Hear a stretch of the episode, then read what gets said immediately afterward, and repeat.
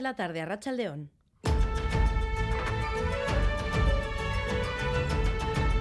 Crónica de Euskadi con Irache Martínez. PNV y EH Bildu celebran el Aberrieguna en los actos multitudinarios organizados este domingo en Bilbao e Iruña. El PNV, en clave totalmente electoral, anima a la militancia a movilizarse. Los gelchales aseguran que el PNV es el único que tiene la hoja de ruta clara para Euskadi y que seguirán trabajando por un mayor autogobierno. EH Bildu, por su parte, ha apostado por conseguir acuerdos amplios por el derecho a decidir, a la par que hacían un llamamiento a la derecha española para que reconozca la plurinacionalidad del Estado. Escuchamos a Antonio Ortúzar y Arnaldo Tegui. El 28 de mayo tiene que volver a ser a Berrieguna. Movilización, movilización, movilización. Trabajo, trabajo, trabajo. Está en nuestras manos. Somos el Partido Nacionalista Vasco y vamos a dar la cara en todos los rincones de Euskadi. El PNV, el partido auténtico. Euskal Herria Bildu y el Bloque de la Esperanza está dispuesto a hacer acuerdos de país para construir frentes amplios con programas de mínimos, frentes amplios para el país. No puede haber izquierda transformadora en el Estado español ni en el Estado francés. Izquierda que se diga realmente de izquierda, si no defiende, si no respeta el carácter plurinacional de este Estado y el derecho a la libre determinación de los pueblos.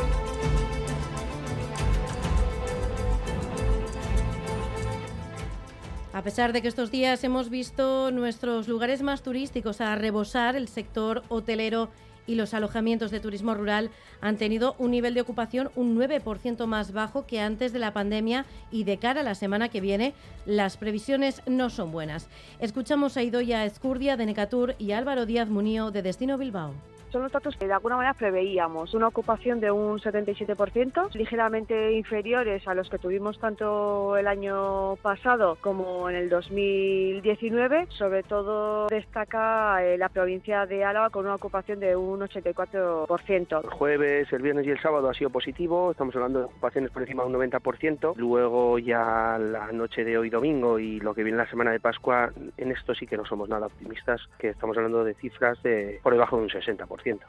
Y vamos con una noticia que acabamos de conocer. Cuatro menores de edad han sido detenidos en la madrugada de este domingo en Donostia, acusados de robar y agredir en la zona del puerto a dos vigilantes de seguridad, quienes han tenido que ser atendidos en un centro sanitario. Según el Departamento de Seguridad, los hechos han sucedido sobre la una de la madrugada en la zona del puerto de la capital Donostiarra, donde los dos guardas de seguridad han sido agredidos por un grupo de jóvenes. Los detenidos, los cuatro detenidos, acusados de robo con violencia y agresión, se encuentran ya bajo la custodia de sus tutores legales.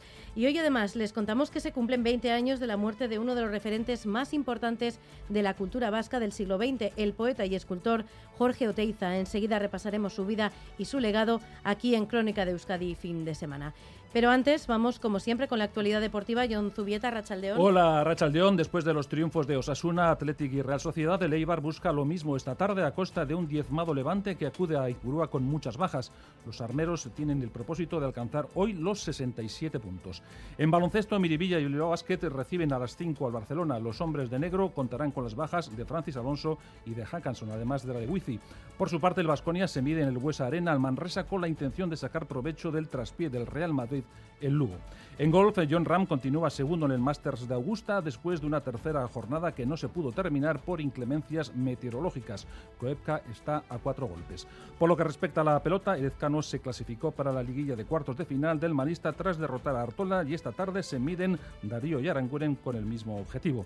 En balonmano, el Vidasoa sigue de dulce en la Liga Sobal tras ganar 42-31 al Cisne y el Anaitesuna se enfrenta esta tarde al frigoríficos Morrazo con la necesidad de evitar complicarse la vida.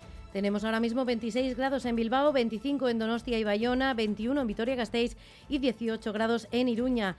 Pronóstico del tiempo para las próximas horas. Euskalmete, Gusquiña y Turrioza, Rachaldeón. A Rachaldeón, en el litoral, el viento del noroeste se intensificará durante las próximas horas con algunas rachas fuertes y tenderá a refrescar. La nubosidad eh, también irá a más. El cambio también se producirá en el interior, pero a lo largo de la tarde. Y mañana lunes la nubosidad será más abundante. Principalmente tendremos nubes medias y altas, por lo que también tendremos algunos ratos de sol.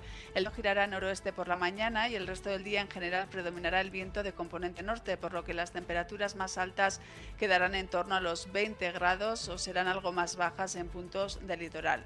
Resumiendo, el lunes ambiente más fresco. La nubosidad también estará más presente, pero aún así tiempo en general seco y claro. En carreteras sin incidencias a esta hora, en el control técnico, Jorge Ibáñez, Jesús Malo y Asier Aparicio. Son las 2 y 5 minutos de la tarde. Comenzamos. Crónica de Euskadi con Irache Martínez.